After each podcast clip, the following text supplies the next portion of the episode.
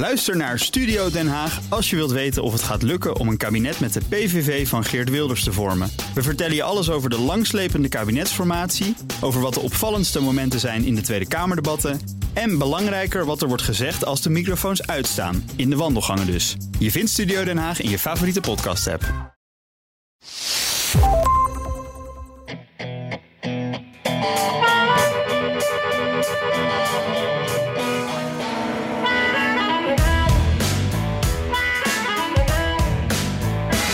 Als Amerikaan kun je niet om Zelensky en Oekraïne heen deze dagen. Hij is in New York bij de Algemene Vergadering van de VN. Hij is in Washington in het congres. Hij is in het Witte Huis en in het Pentagon. Hij is ook nog op de tv en hij is op de radio. En als hij zelf niet in beeld is, dan gaat het wel over hem of over Oekraïne. We have to stand up to this naked aggression today and deter other would-be aggressors tomorrow. That's why the United States, together with our allies and partners around the world, will continue to stand with the brave people of Ukraine as they defend their sovereignty and territorial integrity and their freedom. De boodschap is duidelijk en de steun lijkt voor nu weer binnen, zeg ik voorzichtig. Maar die oorlog duurt nog lang en met name in republikeinse hoek werd Zelensky niet overal met open armen ontvangen. Is Zelensky elected to Congress? Is he our president? I don't think I have to commit anything. I have questions for him. Where's the accountability on the money we already spent? What is the plan for victory?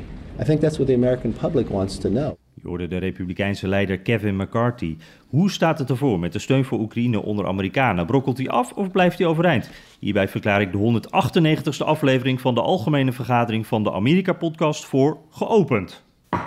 En dat geluid was de Amerika-podcast Mok, die hier eventjes op de tafel werd geslagen. Ik ben Jan Posma in de, nou, zullen we maar zeggen, de Dag Hammarskjöldzaal in mijn appartementje in Washington, D.C. Ja.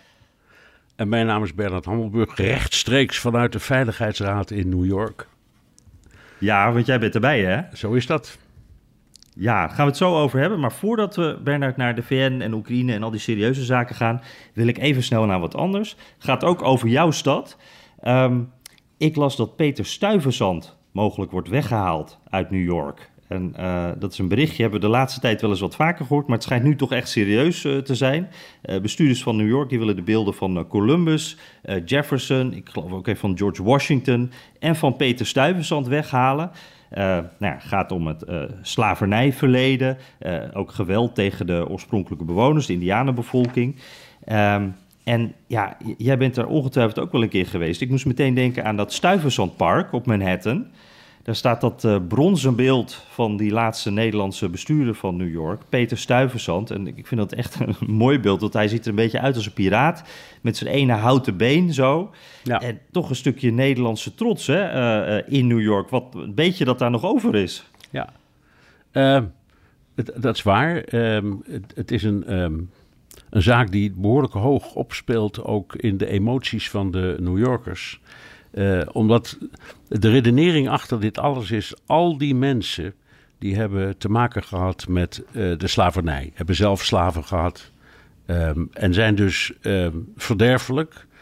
En, uh, en dus haal je stukken geschiedenis weg omdat je vindt dat het, het verleden moet worden uitgepoetst. Hè? Dat is het, het cancelen mm. van, van je eigen verleden. en en die, die beweging in de gemeenteraad is behoorlijk sterk. Gelukkig zijn er ook een hoop mensen in de gemeenteraad die zeggen: Nou, misschien kunnen we het ook anders oplossen. Um, en naast al die beelden borden plaatsen wie die mensen waren en um, dat uh, tegen de, de, de moderne opvattingen ze ook wel controversieel waren. Maar ja, om, om... Beetje een Nederlandse oplossing, toch? Beetje, beetje Nederlandse oplossing. Ja, ja, nou, dat is ja. De, de, hoop is dat dat lukt. Uh, en anders is het echt wel een hele pijnlijke onderdeel van de geschiedenis. Dan gaat ik Washington, ja zeg, en Columbus en Jefferson. Ja. Stuiver, Stuyvesant um, was ook om andere redenen interessant. Was een onvoorstelbare racist, dat is zo. Was een, een uitgesproken antisemiet. Uh, dus mm. die, die, had een slechte naam. Maar dat weet iedere scholier. Dus op zichzelf, dat is niet zo gek. En, en, en toch, toch was hij de eerste, en, uh, of de laatste Nederlandse gouverneur. En heeft eigenlijk ja, Manhattan zoals het nu bestaat eh, zijn vorm gegeven. En uh, totdat hij kwijtraakte aan de, aan, de, aan de Britten. Dus het is jammer. Ja. Nou, nou goed, er is, een, er is een dorp in Long Island. En, en die wil die beelden wel hebben. Want uh, die, nou, die, die, die, twijfelde dan nog een beetje of dat, dan ook voor, voor stuivers aan geldt. Uh, ik denk ja, dat, dat, dat vond ik wel grappig, want de, de Washington en, en Jefferson, en, dat zijn allemaal Amerikaanse helden natuurlijk, maar die stuiverzand, ja, dat is voor ons natuurlijk een bekend persoon, voor New Yorkers ook wel, denk ik, maar daar hebben ze denk ik toch wat minder gevoel bij, denk je niet? Ja, natuurlijk is dat zo. Uh, en, en mensen die weten over het Nederlandse verleden, ja, dat is toch een minderheid hoor. De, de meeste mensen die, die kijken nog steeds verbaasd op als je zegt dat het woord Harlem uh, een, een, uit Nederland komt. Of als je zegt dat de dollar een verbastering is van het woord daalder. Dan kijken ze echt mm. uh, toch een beetje of ze water zien branden. Dus zo bekend is dat allemaal niet. Maar historisch, was, historisch was het wel degelijk een belangrijke figuur. Ook al omdat uh, in, in, het was ook wel een redelijk briljante man bij het ontwikkelen van de stad en de omgeving in, op het gebied van handel. Dat deed hij echt fantastisch. Um, maar het, het, is ook wel een, in die zin een typisch Nederlands verhaal. Uh, er was in die tijd al het begin van in, in, in het Amerika van toen van de registratie van grond.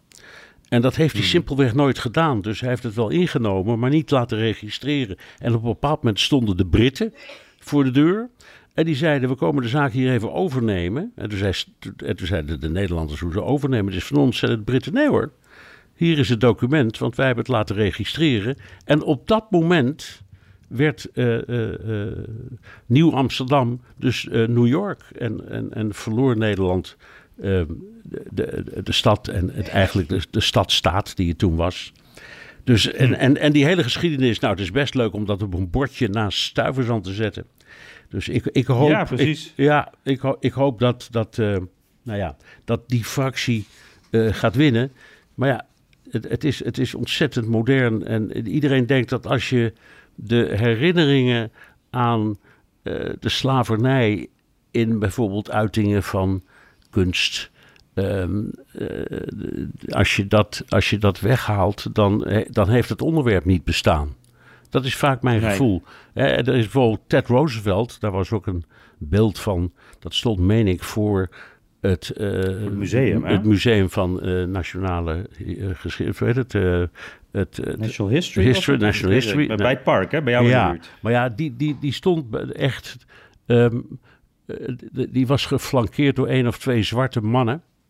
En ja, ik dat, dacht een Indiaan en een zwarte man. Dat was net iets te veel. Indiaan en een zwarte man. En, en, en dat was toen goed bedoeld. Omdat die man was absoluut niet, geen racist. En, en heeft heel veel gedaan om het bewustzijn van de Amerikaanse geschiedenis te vergroten. Maar het stond gek. Dus dat ze dat dan hebben verplaatst. Want het is niet weggehaald, maar het is alleen maar op een andere plek neergezet. Dat kan ik misschien nog wel een beetje voorstellen. Het is een beetje zoals de Gouden Koets in Nederland. Eh, waar eh, na vele jaren de mensen eens een keertje goed keken naar de, de tekening of het schilderijtje op de deur. Ja. En toen dachten, ja zeg, eh, zwarte bedienden en slaven, dat kan niet. Nou ja, hmm. eh, en in, in die zin kun je best begrijpen dat, dat dingen niet meer kunnen. Maar, maar dit soort mensen als Jefferson, de, de grondlegger van de Verenigde Staten, kun je wel zo'n beetje zeggen, en, en Washington. Nou ja, we zullen zien hoe het afloopt. Het is een spannend verhaal. Ja, ja, precies. Ik ben heel benieuwd. En ik, wat ik dus ook wel vind, uh, zo'n zo stuiversand, hè, waarom staat dat standbeeld er? Dit is toch wat anders dan die burgeroorlogbeelden. Uh, Want daar zat steeds wel een gevoel achter van... hé, we zetten een generaal midden in dit dorpje. Dat werkt ook uh, intimideren. Het laat zien aan de zwarte bevolking dat wij nog steeds de baas zijn hier. Dat is vaak de gedachte geweest. Maar zo'n beeld van Stuyvesant, dat gaat natuurlijk helemaal niet om zijn uh, denkbeelden uit die tijd. Dat gaat erom wat hij voor de stad New York en, en voor dat gebied heeft betekend. En, ja, ja en, en, de on, en dus de ontwikkeling van de oostkust. Want je ook een Zweeds deel en je had een Brits deel. Er waren allerlei andere landen die dat ook deden. En die hebben samen... Uh, de, de oostkust ontwikkeld, in elk geval met havens en als handelscentra. En dat is heel belangrijk in de geschiedenis, los van hoe ze waren. Dus uh, ja, nou. Hork van een kerel, maar uh, wel belangrijk. En, en uh, nou ja, we gaan dit volgen dus. Hè, wat er gebeurt met onze Peter Stuyvesant uh, van Manhattan. Misschien wel naar een nieuw plekje. Um, hey, en Bernard, dit was eigenlijk maar een klein verhaaltje in New York deze week natuurlijk. Want die algemene vergadering van de VN was weer bij jou voor de deur.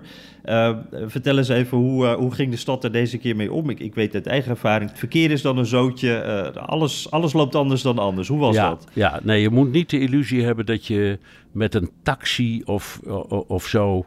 Of, of, of met je eigen auto, als je die hebt...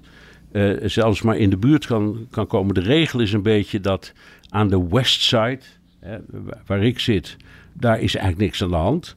Maar de East Side, dus alles wat ten oosten zit van Fifth Avenue en dan loopt naar First Avenue, dat is de plek waar het gebouw van de VN staat. Ja, dat is helemaal één grote puinhoop. Is in het algemeen ook afgesloten, staan politiebarricades. Tegenwoordig is dat heel streng. Als je daar als journalist doorheen wil, door die politiebarricade, dan heb je een politieperskaart nodig. Die hangt dus altijd op mijn buik in die dagen. En dan heb je natuurlijk ook nog je pasje nodig om de VN binnen te komen. Dus in die zin is het altijd een, een zootje. Maar ook wel iets waarvan de New Yorkers zeggen: ja, dat is nou eenmaal zo, dat is elk jaar zo. Daar is niks nieuws aan. Um, maar er, het was wel, vind ik, het is, want het is nog niet afgelopen terwijl we dit opnemen hè, op uh, donderdag, mm. einde middag. Um, een beetje, er hangt een beetje een grauwsluier over, die, uh, over, over deze zitting. En dat heeft met twee dingen te maken. Natuurlijk de oorlog in Oekraïne. Want ja, die hmm. hangt. Ja, dat, die, het, overal komt die ter sprake. Het kan ook bijna niet anders. En tegelijkertijd toch wel een beetje de, de confrontatie tussen de noordelijke en de zuidelijke staten.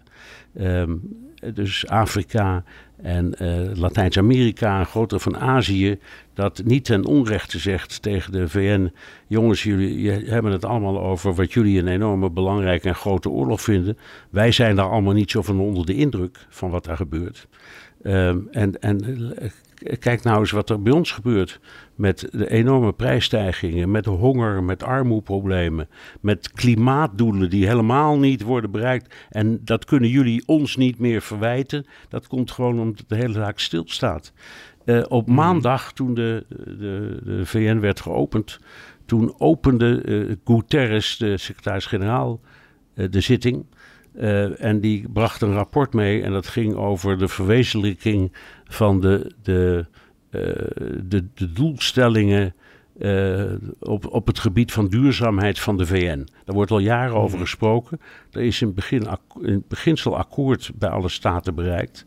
Maar daar, in dat rapport wordt, wordt voorgerekend dat ja, het kan verwezenlijkt worden, maar als we het op deze manier doen, dan duurt dat nog, hou je vast Jan, 287 jaar. Ja. Oh. Ja. Dus, ja. ja dus, dus uh, uh, het, en daar hebben die zuidelijke landen het heel veel over. En uh, je kon ook zien aan ja, bijvoorbeeld de, de toespraak van, van Biden, dat hij daar ook wel op inging. Mm -hmm. in, in, hij nam heel uitvoerig de tijd om, om dat te schetsen en kwam pas in de 21ste minuut van zijn speech aan Oekraïne toe. En de rest waren allemaal gebaren aan uh, ja, toch vooral die, die, die zuidelijke landen. En nou ja, Jan, je weet hoe dat gaat. Ik weet niet of dat bij jou ook gebeurt. Maar op het moment dat hij die speech uh, hield, liep mijn uh, mailbox ongeveer helemaal vol. Ik heb dat nog nooit op die manier meegemaakt. Hm. Van ongeveer elk departement in Washington dat de media wilde laten weten dat ze volkomen aan de kant stonden van uh, ik zal maar zeggen, de derde wereld, de wereld in, op, in opkomst, dat er enorme bedragen zijn gereserveerd als wat jij en ik vroeger ontwikkelingshulp zouden hebben genoemd. Plotseling, uit het niks, daar hoor je nooit iets over en nu plotseling wel. Dus er is een kentering en dat heeft te maken, dat, nou ja, dat wordt belichaamd in die beetje zure sfeer die er hier in New York bij de VN uh, hangt. Ja, ja, ja. Ja, want je had daar dus ook uh, uh, een paar afwezigen. En uh, nou ja, we zijn niet meer verbaasd dat Xi en, en Poetin daar niet altijd zijn bij de algemene vergadering. Maar Macron, Sunak, Modi, die waren ook niet aanwezig. Hoe heeft dat, ja, heeft dat nog een, een, invloed op het gevoel daarvan? Ja. Wacht eens eventjes, een paar van de hoofdrolspelers zijn er niet. Ja, dat zien heel veel landen als een bevestiging dat het ook eigenlijk zijn glorie een beetje heeft verloren. En ook zijn betekenis. Um, ook onder westerse bondgenoten viel dat wel enorm op. Um, de, de, minister Bruin Slot uh, zei in de wereld uh, iets wat ook waar is, namelijk ja, maar er zijn ook nog nooit zoveel staatshoofden geweest als dit keer. Ik meen iets van 120 of zoiets. Dus we moeten ook een beetje naar de positieve kant kijken. Maar inderdaad, als zulke belangrijke mensen ontbreken, dan is het signaal dat die mensen, een, een Macron, een Sunak, dit simpelweg niet meer belangrijk genoeg vinden. Ehm, en uh, nou ja, dat is een teken aan de wand. Ook dat, ook dat ja, draagt bij aan dat gevoel van, ja, wat hebben we er eigenlijk nog aan? Uh, de, de algemene vergadering die kan niks. Die kan wel resoluties aannemen, maar die zijn niet bindend. Dus dat is een papieren tijger.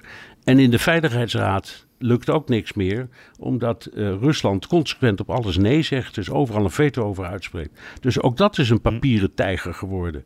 Ja, en wat heb je er dan nog aan, behalve uh, een ontmoetingsplaats? Want het is natuurlijk wel zo dat al die bezoekers elkaar kunnen spreken. In de, letterlijk in de wandelgangen of in kleine kamertjes of in conferenties die daarnaast worden georganiseerd. En wat dat betreft zijn ze allemaal wel heel actief. Ook Nederland hoor. Heel veel van uh, belangrijke onderwerpen als cyberveiligheid. Um, de rol van vrouwen in de internationale politiek. Allemaal dingen die best belangrijk zijn. Uh, en dat levert nog wel eens wat op. Maar die algemene vergadering zelf ja, dat is eigenlijk niks meer. Nee, nou, Adi, want ik, wij hebben het hier uh, natuurlijk elk jaar sowieso eventjes over. En, en je bent altijd heel uh, realistisch eigenlijk over ja, waar het nou om gaat en wat er beslist wordt vooral. Want dat is meestal niet zoveel, hè. Uh, maar ik heb je nog niet eerder zo pessimistisch gehoord eigenlijk nee, over de VN. Nee, nee, ik ben al die jaren ook nog niet zo pessimistisch geweest. En dat is niet door de inzet van de lidstaten. Uh, het, het, het, ongeveer het halve Nederlandse kabinet is hier. En die zitten allemaal in hele belangrijke commissies en in hele, dat zijn die deelcommissies. En nogmaals, die bereiken nog wel eens wat hoor. Um, dus die gebruiken dan de gelegenheid om te zeggen: ach ja, de hele wereld zit samen met elkaar. Laten we daar maar even heen vliegen en meedoen. Dan kunnen we meteen uh, deeltjes maken over allerlei dingen die we belangrijk vinden. Um, de, de, de, Nederland en Canada die uh, organiseren nu al voor de tweede achtereenvolgende jaar een hele interessante conferentie over framing en over fake news. Nou, dat is best, dat is best een interessant onderwerp. En, ja. en, en dat vinden ook een heleboel van die landen uit de derde wereld best interessant. Al is het alleen om, om het mechanisme te begrijpen. Dus nogmaals, er gebeuren nuttige dingen, maar, de, dat, maar de, de, de, de, aanleiding, dus dat, de, ik zal maar zeggen, circus VN, ja, dat stelt niks meer voor. Hmm. En je noemde net al, uh, pardon, je had uh, de demissionaire minister van Buitenlandse Zaken had je in de wereld, hè? Ja. dus dat kan iedereen ook terugluisteren. had zij, ja, hoe, wat voor gevoel bespeurde je daar? Zat daar, ja. wel, daar zat ietsje meer optimisme ja, in? Ja, er zat iets meer optimisme in, maar je moet ook, ja. first, deze minister, demissionaire minister, die is dat net twee weken, nog geen drie weken. Dus bizarre die, situatie. Bizarre natuurlijk. situatie. Die moest dus in die tijd onvoorstelbaar veel dossiers doornemen, uit de hoofd leren, uh, uh, erover met medewerkers praten. En dat zegt ze ook. Zegt, ik weet nog niet alles. Maar het heeft ook wel iets komisch. Want normaal, als je geroutineerd bent of het een aantal jaren doet, dan weet je precies welk lijstje mensen je wil spreken. Uh, die je voor het eerst kunt spreken. Of maatjes die je sowieso al ziet en waar je nog eens even mee kunt overleggen. Maar voor haar is iedereen nieuw. Bij wijze van spreken ook ja. alle collega's uit, uit de Europese Unie. Dus het, het, ja. het, het, het, is, het is best leuk hoor, om het op die manier te horen. Zo helemaal vers en fris voor het eerst. Ik vond het best leuk. Ook, uh, ja, je zult terughoren. Als je gaat natuurlijk onmiddellijk naar deze opname. Um, ja, zeker. Ga je dat uh, terugluisteren in de wereld. Uh, nee, maar het was echt het was een leuk gesprek. En, en dit thema was ook best aardig. En nou ja, dat, ze zal nog wel een tijdje demissionair blijven. Want de verkiezingen zijn in november. En voordat wij een kabinet hebben, ben je zo een half of drie kwart jaar verder. Dus bij elkaar bijna een jaar. Dus ja, wie weet. ja, nou, laten we er uh, voor, voor, iedereen niet op hopen dat nee. we dan uh, bij de volgende VN uh, dezelfde nee. demissionair minister hebben. Nee. Hey, en um, um, nou, Oekraïne, dus het grote onderwerp natuurlijk. Jij, jij, gaf al aan dat er in het zuiden heel anders wordt gekeken dan bij ons naar die oorlog. Zelensky, hè, dat was een moment wat hier ook. in Amerika ruim op tv te zien was. die riep nog een keer op, blijf achter ons staan. Ehm, denk je dat zo'n toespraak dan nog een beetje helpt? Het is ook een beetje theater, maar is dat theater misschien ook nodig? Wat, ja, ja. ja, nou het is frappé toujours. Hij moet het blijven doen.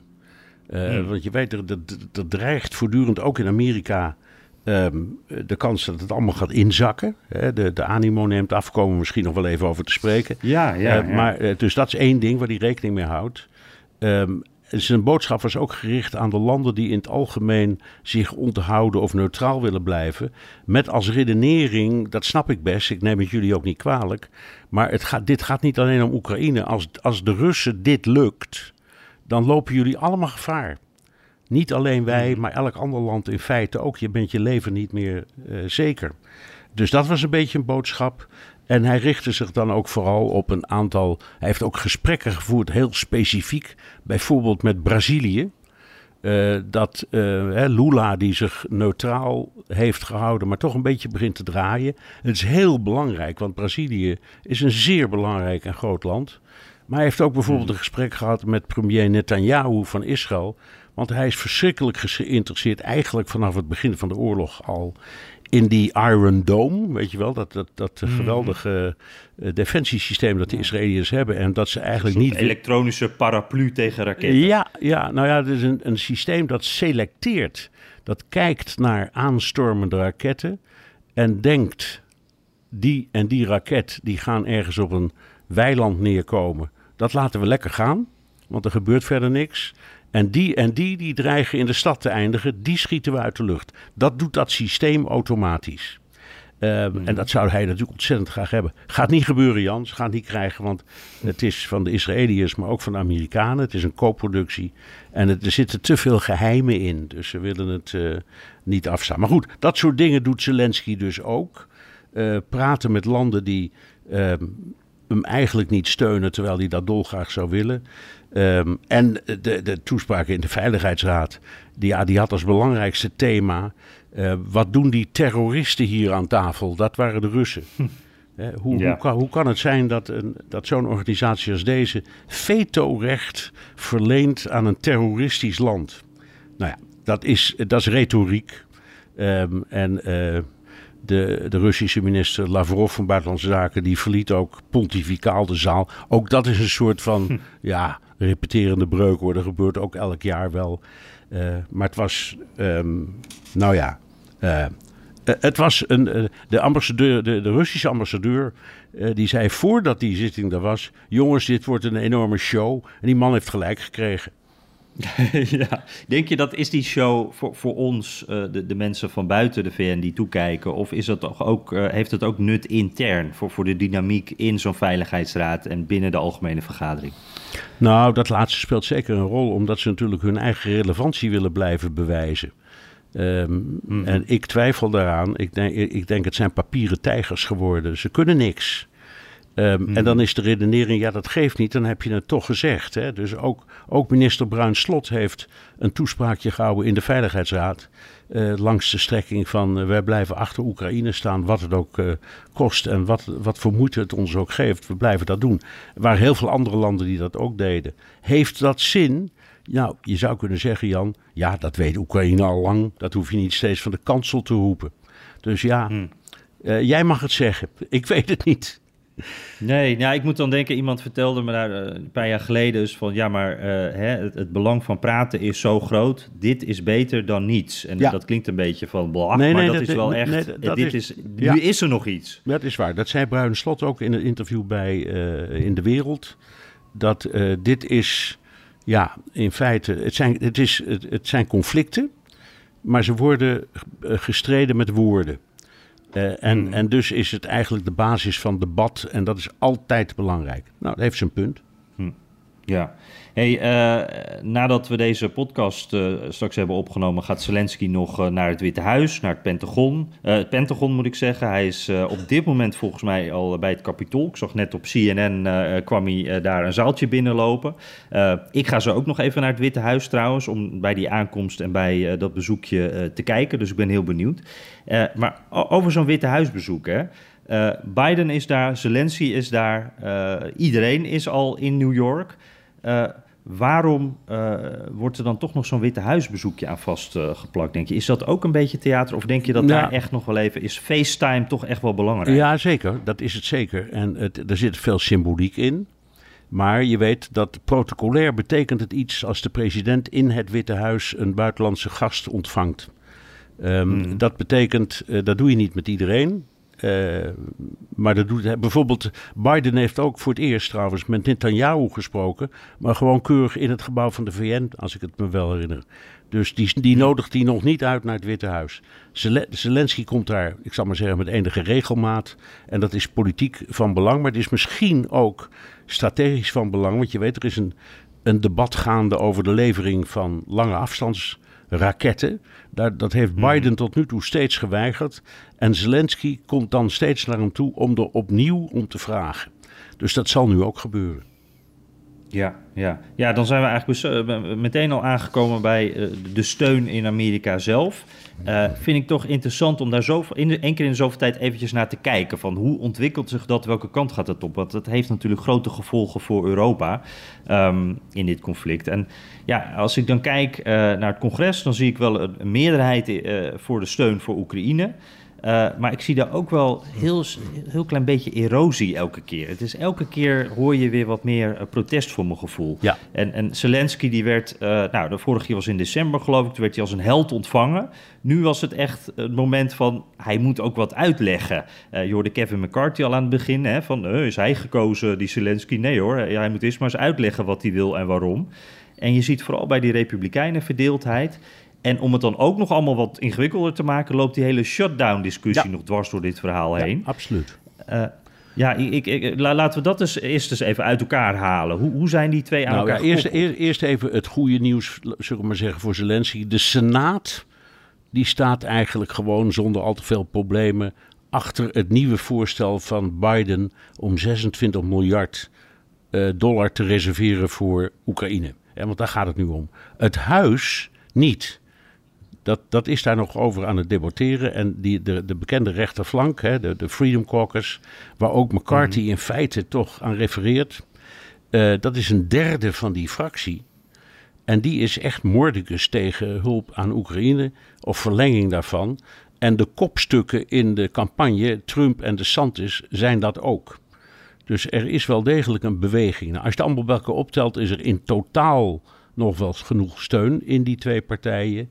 Maar het is heel duidelijk dat, eh, en daarom is ook even de dingen, een van de dingen die Zelensky wil doen, die, die wil in, uh, in Washington praten ook met een paar um, uh, huisleden die kritisch zijn. En dat vind ik heel verstandig, mm -hmm. maar ik denk niet dat heel veel helpt. Nou ja, dan, en dan de, de, de, de kruising of het dubbele met die shutdown. Uh, er ligt dus een voorstel Waarvan ik overigens denk dat het uiteindelijk, zoals altijd, op, om één minuut voor twaalf gewoon wordt aangenomen. uh, maar, uh, we raken niet meer in paniek. Hè? Nee, we raken, nee, komt nee, toch we, raken, we, raken, niet in paniek. En het is ook niet zo dat de Social Security niet meer wordt uitgekeerd. Of dat, het, of dat het, de, de, de luchtverkeersleiders er niet meer zijn. Zal zeggen, dat gaat allemaal niet gebeuren. Um, maar het is wel heel interessant omdat uh, er was dus een pakket en dat pakket voorziet onder andere in hulp aan uh, Oekraïne. En de tegenstanders die zeggen, ja, dat moet eruit, dat stuk. Dat, mm -hmm. dat, dat gedeelte moet er gewoon uit. Uh, want we hebben fondsen nodig voor allerlei andere dingen in eigen land. Um, in, in, in de plannen zoals die zijn gemaakt door Biden en, en de voorstanders van uh, dit nieuwe, begrotings, die nieuwe begrotingsdeal, daar zit van alles. Ook, ook allerlei sociale componenten. En de tegenstanders, de, Republikeinen, die, die zeggen dus: als je dat hele Oekraïne-stuk eruit haalt, nou, dan houden we een hoop centen over voor die andere kwesties. Dus um, de vraag hoe die stemming uiteindelijk verloopt, is wel degelijk rechtstreeks verbonden aan het drama in Oekraïne. Mm. Ja, en, en dat maakt het eigenlijk alles nog weer ingewikkelder, want het is een soort extra laagje in die discussie. En aan de ene kant heb je dus de Democraten die zeggen: joh, we moeten deze twee, dingen aan elkaar vastkoppelen, want wij zijn absoluut voor die steun aan, aan Oekraïne, aan de voortzetting daarvan. En die Republikeinen die zeggen dus van nou, uh, trek die twee maar los van elkaar. En dan is er ook nog zo'n plannetje om er uh, een soort uh, ja, een soort tussenoplossing te maken, dat ze weer een maandje verder kunnen. En daarvan zeggen de Republikeinen ook, daar willen we geen Oekraïne in hebben. Want dat, uh, uh, nou, dat willen we gewoon sowieso niet. Nee. En dan zou nu achter de schermen, uh, zou McCarthy bezig zijn om met Republikeinen en Democraten samen dan nog iets te, te maken. Maar goed, dat. nou ja, maar dat begrijp ik. Kijk, die, kijk, die McCarthy die speelt een verschrikkelijke wedstrijd. Laten we eerlijk wezen. Want die heeft. Um, die, die, die, in die onderhandelingen heeft hij al deze moeilijkheden gezien. Die weet ook Hmm. dat de Freedom Caucus een impeachment tegen eh, Biden wil vanwege Hunter. En, en, eh, en het, uh, nou ja, dat hele onderzoek dat inmiddels is begonnen. En hij dacht, als ik daar nu op aandring en ik dwing het af en het gaat gebeuren in het Huis van Afgevaardigden, dan is die Freedom Caucus zo tevreden over mij dat ze, dat ze mij wel zullen volgen in die uh, budgetonderhandelingen. Dat was een misrekening. Mm. Want mm -hmm. die, die Freedom Caucus die zegt, ja, dat is, heel, dat is heel aardig dat je het hebt gedaan, maar het heeft niks met elkaar te maken. Wij blijven op ons standpunt. Ja, en ik denk dat ook een probleem hierbij is die Freedom Caucus. Dit is gewoon hun manier van werken. Zij zetten hem onder druk, blijven hem onder druk zetten. Wat McCarthy ook zegt, ze zijn natuurlijk nooit tevreden. Die willen altijd meer, want ja. die weten dat ze die invloed hebben. En, en, Bernard, om nou eens te kijken naar de argumenten die gegeven worden. Hè? Want die Freedom Caucus uh, en, en eigenlijk de hele nou ja, zeg maar anti-Oekraïne-beweging hier in Amerika heeft dezelfde argumenten. Uh, je zegt inderdaad al dat geld moet naar Amerika, niet naar Oekraïne. Hè? America first. Maar er wordt ook altijd gezegd, er is geen strategisch belang uh, hiervoor. Um, en er wordt altijd gezegd, Oekraïne is corrupt. Dus dat geld dat verdwijnt allemaal, is bodemloze put. Uh, ik hoor daar dan altijd over van uh, defensie-experts die zeggen van ja, maar eigenlijk het is amper geld wat daar naartoe gaat. Het is niet zoals in Afghanistan dat we daar miljoenen aan geld heen sturen. Dit gaat ook vooral om materiaal wat die kant op gaat. Dus een hele andere situatie. En uh, nou dat grote materiaal, het is niet dat je bij wijze van spreken een tank kan verkopen om zo een beetje bij te verdienen. Zoals in Afghanistan wel wapens werden verkocht. Uh, door soldaten. De, dus er zijn allemaal wel argumenten tegen. Uh, zeg maar argumenten waarom de Oekraïne-hulp wel gewoon door kan gaan. Maar denk je dat die Freedom Caucus, of, of sowieso, denk je dat die daar ook voor te vermurven zijn? Want je kan al die argumenten op een rijtje zetten, maar uiteindelijk er popt ook steeds een nieuw argumentje op. Het laatste wat ik nu weer hoor is van ja, maar we moeten naar China kijken. En, en zo gaan ze elke keer naar een ander argument. Hoe, ja. hoe kan je dit ooit winnen? Ja, ik denk dat um, de fout die ze maken, is dat ze hun eigen um, geschiedenis um, en het principe van de Monroe-doctrine uit het oog verliezen. Want je kan wel zeggen, uh, uh, Amerika grenst niet aan Oekraïne. Uh, trouwens wel bijna aan Rusland hè, in het Verre Oosten, de, bij de Beringzee. Hm. Dat vergeten we nog wel eens. Ja. Van, uh, de backporch van Sarah Palin. Uh, ja, ja, ja, ja, maar dat is, dat is ja. gewoon echt waar. En daar ligt ook een grote Russische vloot en een grote Amerikaanse vloot. Maar in Europa is inderdaad, er is geen... Uh, je zou kunnen zeggen, ja, dat, het zijn geen buurlanden. Maar die Monroe-doctrine, die zegt... als je dit soort dingen toestaat in, um, nou ja, in het buitenland... en je grijpt niet in, dan, dan vervalt in dit geval in Europa een buffer die ons, Amerikanen, beschermt tegen foute invloeden. Dat is altijd uh, een van de draagvlakken geweest van het Amerikaanse strategische beleid. Vandaar dat ze ook overal rondom de wereld bases hebben. Hè? In Bahrein en in Qatar en in Guam en in Okinawa. En ga zo maar door. Overal zitten Amerikaanse bases. Dat is daarom.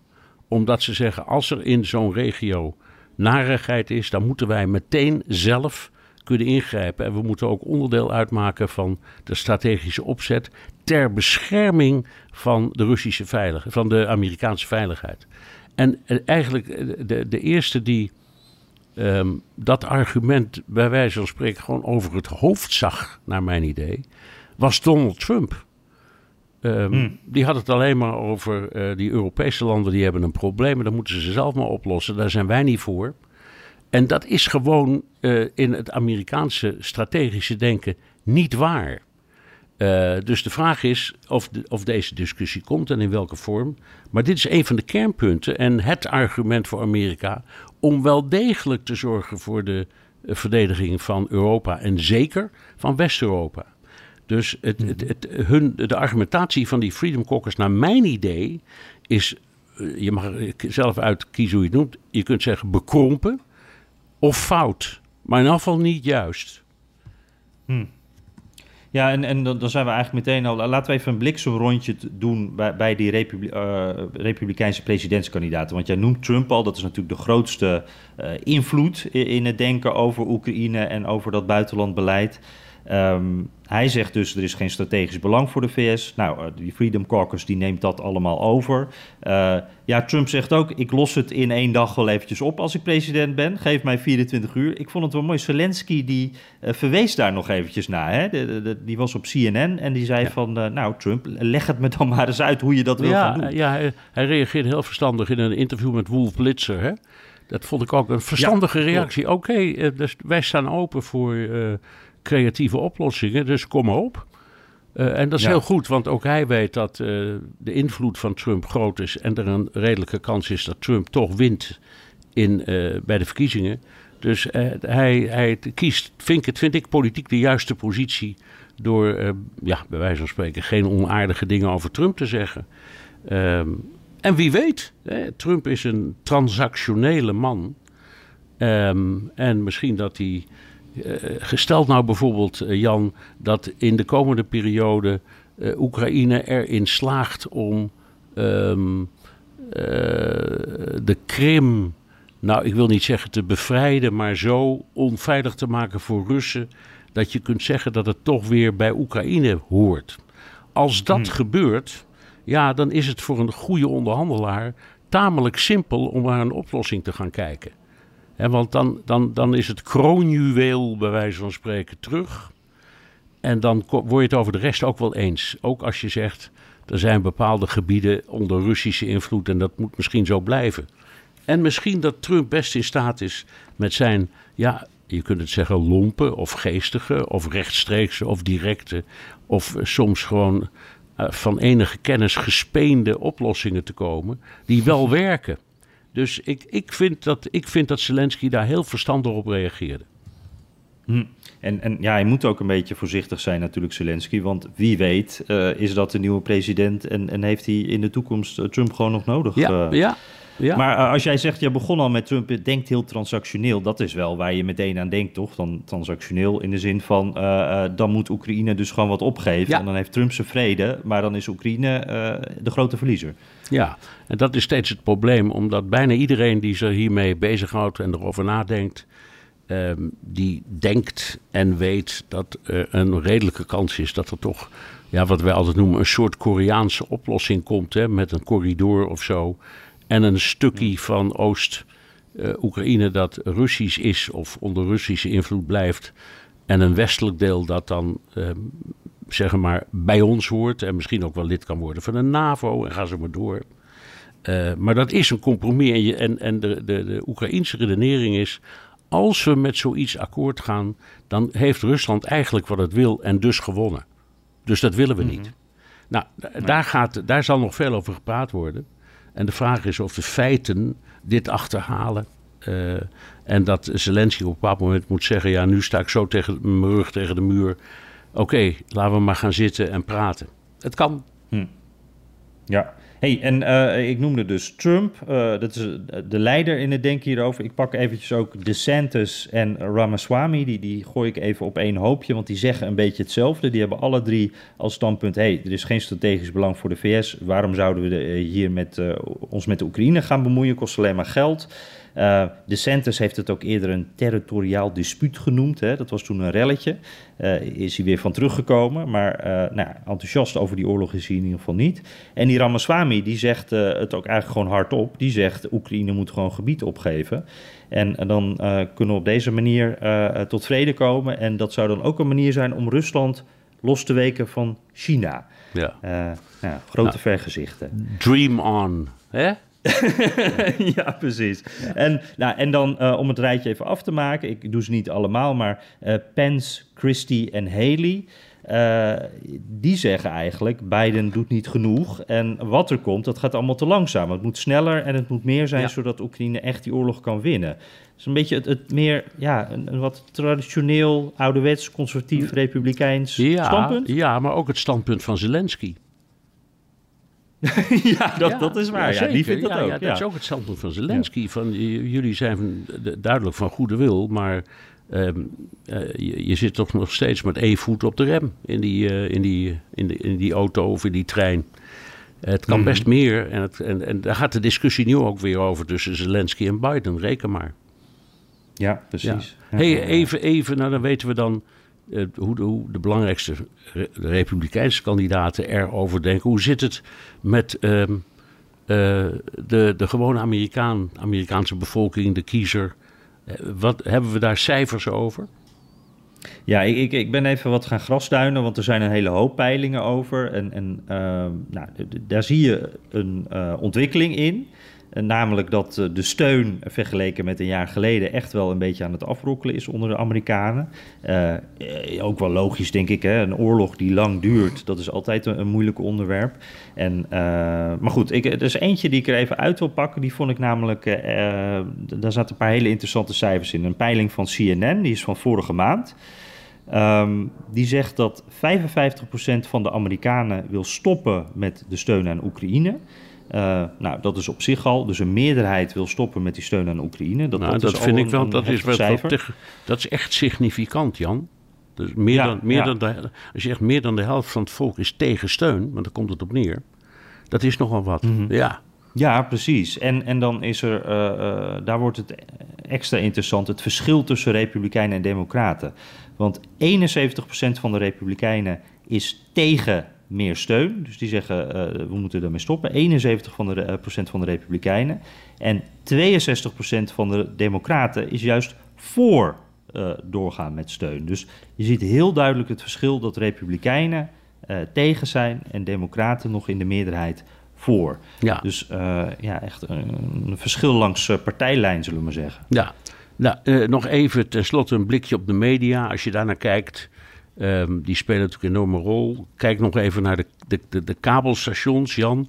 CNN, MSNBC, Fox News. Wat voor rol spelen ze in deze discussie? Ja, ik, ik heb... Uh, de, de, degene die meteen opvalt hierin is gewoon Fox News. Uh, ik zie daar s'avonds uh, Jesse Waters, hè, de, de opvolger van Tucker Carlson. Dus, ja. dus een man, man, die echt op, het, op, op het, de, de grootste kijkcijferplek zit, zeg maar. Daar zie ik steeds zulke uh, kritische verhalen over Oekraïne voorbij komen. Het gaat heel veel over corruptie. Uh, wat mij daarbij ook opvalt is dat uh, nou ja, het, het, gedoe rond Hunter Biden... en nou ja, dat wordt door Fox natuurlijk meteen ook... wordt de connectie met Joe Biden gemaakt... en daar wordt dan ook meteen Oekraïne bij gehaald. Dus dat is eigenlijk één hoop geworden. Een, een Biden-conflict en het Oekraïne-conflict. En dat is samen één groot schandaal vol corruptie. Um, ik hoor daar dan, uh, ik, ik, bedoel dat Oekraïne, dat daar corruptie is, dat, dat weten we natuurlijk, maar dat wordt niet onderbouwd. Uh, het wordt vooral uh, neergelegd en aan de kijker meegegeven van, nou, dit is hoe het is. En ik heb het gevoel, ook als ik met republikeinen praat, dat dat echt wel enorme invloed is. Want je hoort gewoon de, de one-liners die Fox News gebruikt, die hoor je terugkomen bij die republikeinen op straat. En, en ik heb het gevoel dat daar ook een deel, groot deel van, van, de verklaring zit van waarom zoveel van de Republikeinen tegen die steun aan Oekraïne zijn inmiddels. Want die zien dat avond aan avond. Die horen het ook van Donald Trump natuurlijk, die daar nog steeds heel populair is. Maar die zien dat ook avond aan avond aan, op Fox News. En dan gaat het over de gravy train naar Oekraïne. Van we echt scheppen met geld gooien wij die kant op. En we krijgen er niks voor terug. En alleen maar mensen die daar nu in Mercedes rondrijden. Um, ja, ik heb het gevoel dat dat wel echt grote invloed heeft. Ja, ja ik denk dat je gelijk hebt. Oké, okay, Jan. Dit lijkt mij een uitstekend moment om de Amerika-podcast even te onderbreken voor een mededeling. Jan, zullen we de luisteraars vragen? Ja, ja, leuk. Die zijn welkom via de mail of via de Amerika-podcast WhatsApp. Daar kun je vragen of opmerking ook inspreken. Het nummer is 0628135020. Ja, beginnen we met Ruud Kievit. Uh, ja, die willen het nog even hebben over de hoge gemiddelde leeftijd, leeftijd van de Amerikaanse politici. Uh, want uh, want hij, hem valt iets anders op. Als hij in Amerika is, zegt hij, heb ik regelmatig werkende 65-plussers gezien. Ook mijn Amerikaanse schoonvader, die officieel over een paar jaar mag stoppen, denkt daar nog lang niet aan. iedereen blijft er maar doorgaan met werken. Waar komt dit vandaan, denken jullie? Is dit uit financiële overwegingen, maatschappelijke betrokkenheid? Of vindt de Amerikaanse werk gewoon zo leuk? Het is een uitstekende vraag die voortdurend wordt gesteld. En ehm, ehm, laat ik beginnen met het slechte nieuws. Een, een, deel doet dat omdat ze gewoon niet kunnen rondkomen van hun eh, AOW en of pensioen. Uh, dus die moeten een beetje bij blijven werken. En dat zie je vaak bijvoorbeeld in winkels. Daar word je vaak geholpen door wat oudere dames en heren. Uh, en die spijkeren op, dat, op die manier hun hun uh, salaris een beetje bij. Ik herinner me uh, dat Hetty en ik uh, een tijdje geleden, een paar jaar geleden, een keer met een meneer stonden te praten die herenmode verkocht bij Macy's. Hm. En daar kwamen we over te spreken van, ja, jij bent duidelijk niet meer zo jong, waarom doe je dit? En die zei, oh, nou, ik red me wel, maar ik wil ontzettend graag mijn kleinkinderen helpen financieel bij hun college. Dus dat, dat hm. was een, nou ja, een reuze aardig. Ja. Hij vond het bovendien best leuk om daar te werken. Dat, dat is hm. de, grote categorie hoor, die gewoon moet. Uh, dan heb je ook heel veel mensen die gewoon moeten omdat ze anders verhongeren. Dat mag je ook niet uh, vergeten. Maar het grootste deel, dat zul je inmiddels ook wel hebben gemerkt, uh, van de Amerikanen vindt het prettig om te werken en heeft helemaal niet, niets met dat idee van de pensioengerechtigde leeftijd. Dus ehm, die is er wel, die is inmiddels 67 en een paar maanden geloof ik. Um, en een heleboel, uh, ook mensen die heel uh, goed verdienen of die uh, het financieel helemaal niet nodig hebben, die zeggen ja, maar ik, ik vind het zo leuk of ik zit nog, ik heb zo'n belangrijke positie of ik kan nog zoveel doen. Ik ga lekker door. Mm. En het bedrijf wil dat ook en die beschouwen dat dan vaak als de mensen met de ervaring waar ze nog wat aan hebben. in academia vind ik het altijd het meest interessant, want daar heb je iets dat heet tenure, dat betekent vaste aanstelling. En in Amerika heeft die geen leeftijdslimiet. Dus uh, op, op universiteiten kunnen uh, hoogleraren met tenure, die kunnen daar blijven werken tot ze letterlijk doodvallen. En dat, en dat, hm. en dat gebeurt ook heel veel. Dus, dus het, het, is, het is een combinatie van dingen. Financiële nood, maar ook gewoon lol in werken, het plezier om door te gaan. Uh, het idee dat zo'n pensioengerichte leeftijd niet het punt is waarop je zegt: hè, hè, uh, nu kan ik weg. Maar er zijn ook heel veel mensen, net als in andere landen, die dat wel doen. Uh, en de pensioenfondsen zijn daar ook op ingericht. Je, je, wij hebben in Nederland een systeem dat is gebaseerd op solidariteit. Hoewel op dit, dit moment er zoveel aan, aan het veranderen. Maar laten we zeggen, uh, de, de, generatie van nu betaalt voor de, de volgende generatie enzovoort. Mm -hmm. uh, in Amerika kun je heb je natuurlijk je AOW, maar daarnaast kun je je pensioenfonds kiezen. Dus je kunt zeggen: Oké, ik, ik, wil zo, ik wil het zo opbouwen dat, het, um, dat ik 30 jaar door moet en dan moet het uitbetalen. En hmm. anderen zeggen. Ja, ze hebben wat meer flexibiliteit. Ja, en anderen zeggen: Nou, dat vind ik onzin. Ik wil rustig 40 jaar door. Hè? En dan kan ik wat meer in het potje leggen en dan krijg ik misschien wat meer uitgekeerd. Dus dat kun je zelf bepalen in overleg met het pensioenfonds of de pensioenregeling. Bij heel veel bedrijven kan dat. Dus, uh, En die besteden dat ook uit aan, aan experts. Dus uh, ja, het hele denken erover is anders. En het hele idee van jong en oud is ook een beetje anders in de Verenigde Staten. Ja, ja, ja. Ja, mooi. Uh, dank Ruud. Uh, laten we eens naar een audiovraag gaan. Johan Segers. In de vorige podcast hadden jullie het over een eventuele shutdown van de Amerikaanse overheid. Wat voor gevolgen kan dat hebben voor een toerist die naar Amerika gaat, naast dat nationale parken en musea's kunnen sluiten? Ik vond dit best een lastige, Bernard. Want als ik denk aan een shutdown, dan denk ik inderdaad meteen eigenlijk aan die nationale parken. Het was hier in Washington ook zo dat op de mall uh, werden dan de afvalbakken niet meer geleegd en werd niet meer geveegd. Want dat stukje is National Park. En één straat verder, dat is uh, gewoon de stad Washington. En daar ging het wel gewoon uh, door. Ik, ja, ik weet eigenlijk niet zo goed. Wat zijn nou nog andere plekken waar je dat als toerist gaat merken? Nou, als het lang duurt, ga je het overal merken. Dan, dan merk het, het kan zijn bijvoorbeeld dat de AOW niet meer wordt uitbetaald. Hè, de Social Security. Want die valt er ook onder. Soms wel, soms niet, maar het zou kunnen. Um, het kan voor een deel van de ambtenarij gelden. Dat betekent uh, hele vervelende dingen, bijvoorbeeld bouwvergunningen. Hè, die heel belangrijk zijn echt voor, de, voor het bestaan van elke samenleving, van welke aard dan ook. Uh, maar ja, de, de, het is net zoiets als met die, uh, die staking in Hollywood. Hè, dat, dat, als je kijkt naar hoe dat om zich heen grijpt. Dit soort dingen mm. kunnen dan ook gebeuren. Er kan heel veel stil komen te liggen. Het kan zelfs zo zijn dat bijvoorbeeld um, de verkeersleiding of zo van de spoorwegen of van in de luchtvaart stilvalt of, Ah. of gedeeltelijk stilvalt. Ja. Het kan heel ver gaan. Meestal maken ze een lijstje en dat beperkt zich dan eh, tot de, de doelen die vervelend zijn, zoals die nationale parken, eh, maar niet eh, de hele samenleving ontwrichten. Dus ze kunnen gewoon een lijst maken. Ja, en als ik, het, als ik jou dan zo hoor, dan, dan zeg je toch ook wel van... Nou ja, die nationale parken, dat, dat is wel de plek waar je het als toerist het meeste merkt. Ja, onmiddellijk. Daarnaast, Ja. ja. Oké, hey, dank Johan. Eh, John de Jong dan, zou dat eh, de ex-voetballer zijn? Eh, hij zegt, eh, ehm, in de laatste podcast stelde Bernard dat hij, als hij de eindredacteur van Fox News was geweest, ook had gekozen om te focussen op de Hunter Biden-zaak. Eh, dat verhaal over die, die aanklacht vanwege dat eh, vuurwapen.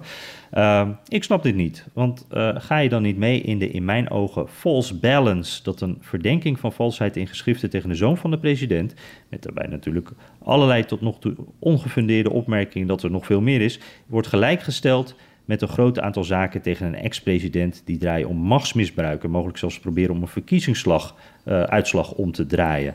Eh, die Ja. false balance is voor mij juist een zeer groot onderdeel van de proble- problematiek in de VS. Ehm, ik begrijp het en je, je- er is veel voor te zeggen. Eh, aan de andere kant, ehm, ik denk dat het twee kanten uitwerkt. Hoe komt het dat je op bijvoorbeeld CNN of MSNBC over die hele Hunter Biden-zaak tamelijk weinig hoort? Het draait nu een beetje bij trouwens, hè, de laatste week, omdat Ja. het spannender Oh. wordt. Maar Ook eh, omdat er nu iets officieels Er is gebeurt. nu officieel- er toch ja. heel veel van, nou ja, wat moeten we ermee? Ja. Ehm, eh, dus eh, ja, dat, ik, vind dat eerlijk gezegd ook altijd een beetje een valse balans. Want dat, dat, dat Hunter Biden, kijk, we, hebben, we, hebben, we hadden de neiging, laten we eerlijk over wezen, om over dat Hunter Biden verhaal een beetje eh, ja, meewarig te doen. Van jongens, kunnen ze nou niks beters verzinnen en er is echt niks. Maar dat weten we helemaal niet. Het wordt nu onderzocht en er kan best wat zijn. En ik kan me voorstellen dat, eh, afhankelijk van de politieke kleur van zo'n station, ehm, dat ehm, eh, ja, de een zegt we zoomen wat meer in op de ene kant en de ander op de andere kant. Maar ik vind dat niet. Eh, jour- journalistiek vind ik het volkomen verantwoord. En nogmaals, ik blijf daarbij. Eh, ik, ik vond ook, we hebben Jan en ik, Jan en jij en ik hebben het daar in het begin ook vaak over gehad. Dat we allebei het gevoel hadden dat er bij die Hunter Biden echt wat meer aan de hand is. Misschien is dat niet waar, maar het is heel goed dat het wordt uitgezocht en dat er een station is dat zegt: jongens, dat is misschien wel de grootste zaak die in dit land speelt, in plaats van al die, eh, die kwesties tegen Trump. Ehm, ik, ik, ik vind dat het, dat het kan en mag. En eh, misschien ook, en het is heel zinvol dat ze het doen. Ze doen het, behalve dan met die commentatoren in de avond, maar in de gewone nieuwsvoorziening doen ze dat ook best goed. Dus eh, ja, Maar, maar Bernard, eh, eh, ik, ik denk dan wel daarbij, we hebben heel lang nu een situatie gehad waarbij er geruchten waren. Republikeinen die, die hebben het nog steeds over geruchten, tenminste zij doen alsof het feiten zijn, maar ze hebben nog niet de onderbouwing laten zien bij al die grotere zaken, die corruptie waar Hunter en Joe Biden bij betrokken zouden zijn. Ik snap wel dat andere zenders, behalve Fox News, daar voorzichtig over zijn, want je wil het eerst zien. En dat onderzoek inderdaad is wel nodig, maar dan moet je eerst wel wat hebben. ja. En, en eh, wa- waar ik ook nog even, want John die zegt eigenlijk, eh hey, je hebt die twee zaken, de zoon van een president, eh, met veel geruchten dus, en een ex-president en presidentskandidaat aan de andere kant. Dus dat, daar zit ook wel, dat, Ja. dat zijn Ja, maar niet dat- gelijke dingen, zeg Nee, maar. maar dat, dat maakt natuurlijk juridisch niets uit. Donald Trump. nee, maar journalistiek hebben we het dan over, toch? Ja, journalistiek misschien wel. Eh, maar ja, dat zeggen we ook zo vaak. Er lopen inderdaad heel veel zaken tegen Trump. En het is, dus heel veel van die dingen zien er hoogst onsmakelijk of verdacht uit. Maar ik blijf zeggen, hij is onschuldig totdat zijn schuld is bewezen. Geldt ook voor Hunter Biden trouwens. Ehm, Dus het is misschien wel overweldigend, al die, die, die inmiddels 91 zaken of aanklachten tegen Trump. Ja. Ehm, maar als, als zijn medestanders zeggen dat is ook een beetje een hetsen. Ja, dan hebben ze misschien ook wel een punt. Hè. De, de, is de, de, de, ik, ik ben er heel voorzichtig mee. En ik, ik, ik, uh, wat, wat ik jammer vind, is dat die uh, kabelstations, kabelnieuwsstations, allemaal zo een kant kiezen. Uh, hmm, en niet ja. veel meer moeite doen om allebei te doen of alles te doen. Want daar heb je natuurlijk, ja. veel, meer, daar heb je natuurlijk veel meer aan als kijker. Dus ze, ja. plegen, ze plegen politiek. En dat is, ik vind dat jammer. Um, ja. Overigens het nieuwtje, ik weet niet of je dat meegekregen, maar um, uh, Rupert Murdoch stopt hè, op zijn 92e. Ja. ja. Ga met pensioen. Ja, daar heb je, heb je weer zo'n voorbeeld. Ja, precies. Ja, die, die, had, die had dat best een paar jaar eerder kunnen doen, toch? Maar ja, goed. zeker. Hij, hij, wilde even wachten tot zijn zoon oud genoeg ja, was. zo is het. Ja. Oké. Okay. Uh, ja, hey, uh, laten we er nog eentje uh, meepakken. Martijn Wieringa, die al vele jaren met plezier luistert en die nog even terug wil komen op nummer 196. Um, ja, oh, dat vond ik wel een leuke, want deze heb ik al wat meer gehoord. Hij zegt van, dit gaat ook weer over die aanklacht tegen Hunter Biden, over mogelijk illegaal wapenbezit. Is dit niet de perfecte gelegenheid om de wapenvergunningen verder aan te scherpen, zoals veel democraten graag willen, om eventueel de risico's van wapenbezit verder in te perken? Uh, en ik vond dat wel een hele mooie, want, want je ziet ook inderdaad dat uh, een paar republikeinen die daar een beetje om, zich om verkneukelden, van haha, nu gaat het om een wapenwet, hoe kunnen die democraten daar nou uh, goed mee omgaan? Ik ben, het zou best wel een opening kunnen geven, zeg maar. Nou ja, laat ik het zo zeggen, je kunt altijd blijven hopen. Maar, ja, maar in, in zo langzamerhand ja. tegen de 300 jaar aanlopende Amerikaanse geschiedenis is het nog nooit gebeurd. Nee. He, er is wel een hele kleine periode geweest tijdens Clinton dat, dat ze iets strenger waren op bepaald soort wapens. Maar uh, laten we nou gewoon eerlijk zijn. Het tweede amendement van de grondwet is onaantastbaar. En er is geen enkele president ooit in de geschiedenis geweest die daar tegen is. Dus waar je over praat is details. Welk soort wapens. Maar het, het, het grondfeit dat je gewoon een geweer of een pistool mag hebben. En dat je dus een wapen in huis hebt waar je iemand mee kan doden. Daar verzet niemand zich tegen. Niemand. Hmm.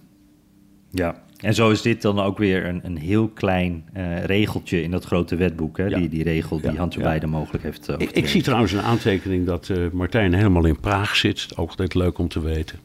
Ja, mooi. Daar hebben we ook luisteraars. Ja. Fijn. hey, zullen we hem daarmee afronden? Ja, terugluisteren kan via de BNR-site, Apple Podcast of Spotify. Heb je vragen, opmerkingen, kritiek of complimenten... dan kan het ook met een tweet naar Jan USA of BNR De Wereld... Of heel ouderwets met een mailtje naar dewereld.bnr.nl. En je kunt ook je vraag inspreken of intikken op de Amerika Podcast WhatsApp 06 28 13 5020. Ja, en daarmee sluit ik dan deze algemene vergadering van de Amerika Podcast af met de Amerika Podcast MOK. Zo. En um, zet je naam en adres eventjes uh, bij de vraag, want dan win je die MOK misschien wel. Um, ik ben er volgende week niet, want ik ga uh, op weg naar Nederland. En uh, wij gaan elkaar dan de week daarna weer zien, Bernard, voor een hele bijzondere podcast. En volgende week hebben we wel een hele mooie andere uh, mede-presentator, hè? Ja, ik ben ontzettend benieuwd wie het wordt, maar zullen we het, blij, het blijft een je, verrassing. Je hebt dichtbij gezocht, toch? Ja, ja, ja, ja hoor. Die, die, ja, die hint kunnen we geven. De, gewoon, je kent het, de nepotistische oplossing noemen we dat. David. Precies. Ja. Moet niet te, niet te, ver, uh, niet te moeilijk doen. Nee. uh, Oké. Okay. Hey. hey. Oh, veel plezier volgende week. Jij ook. Dag Jan. Hoi.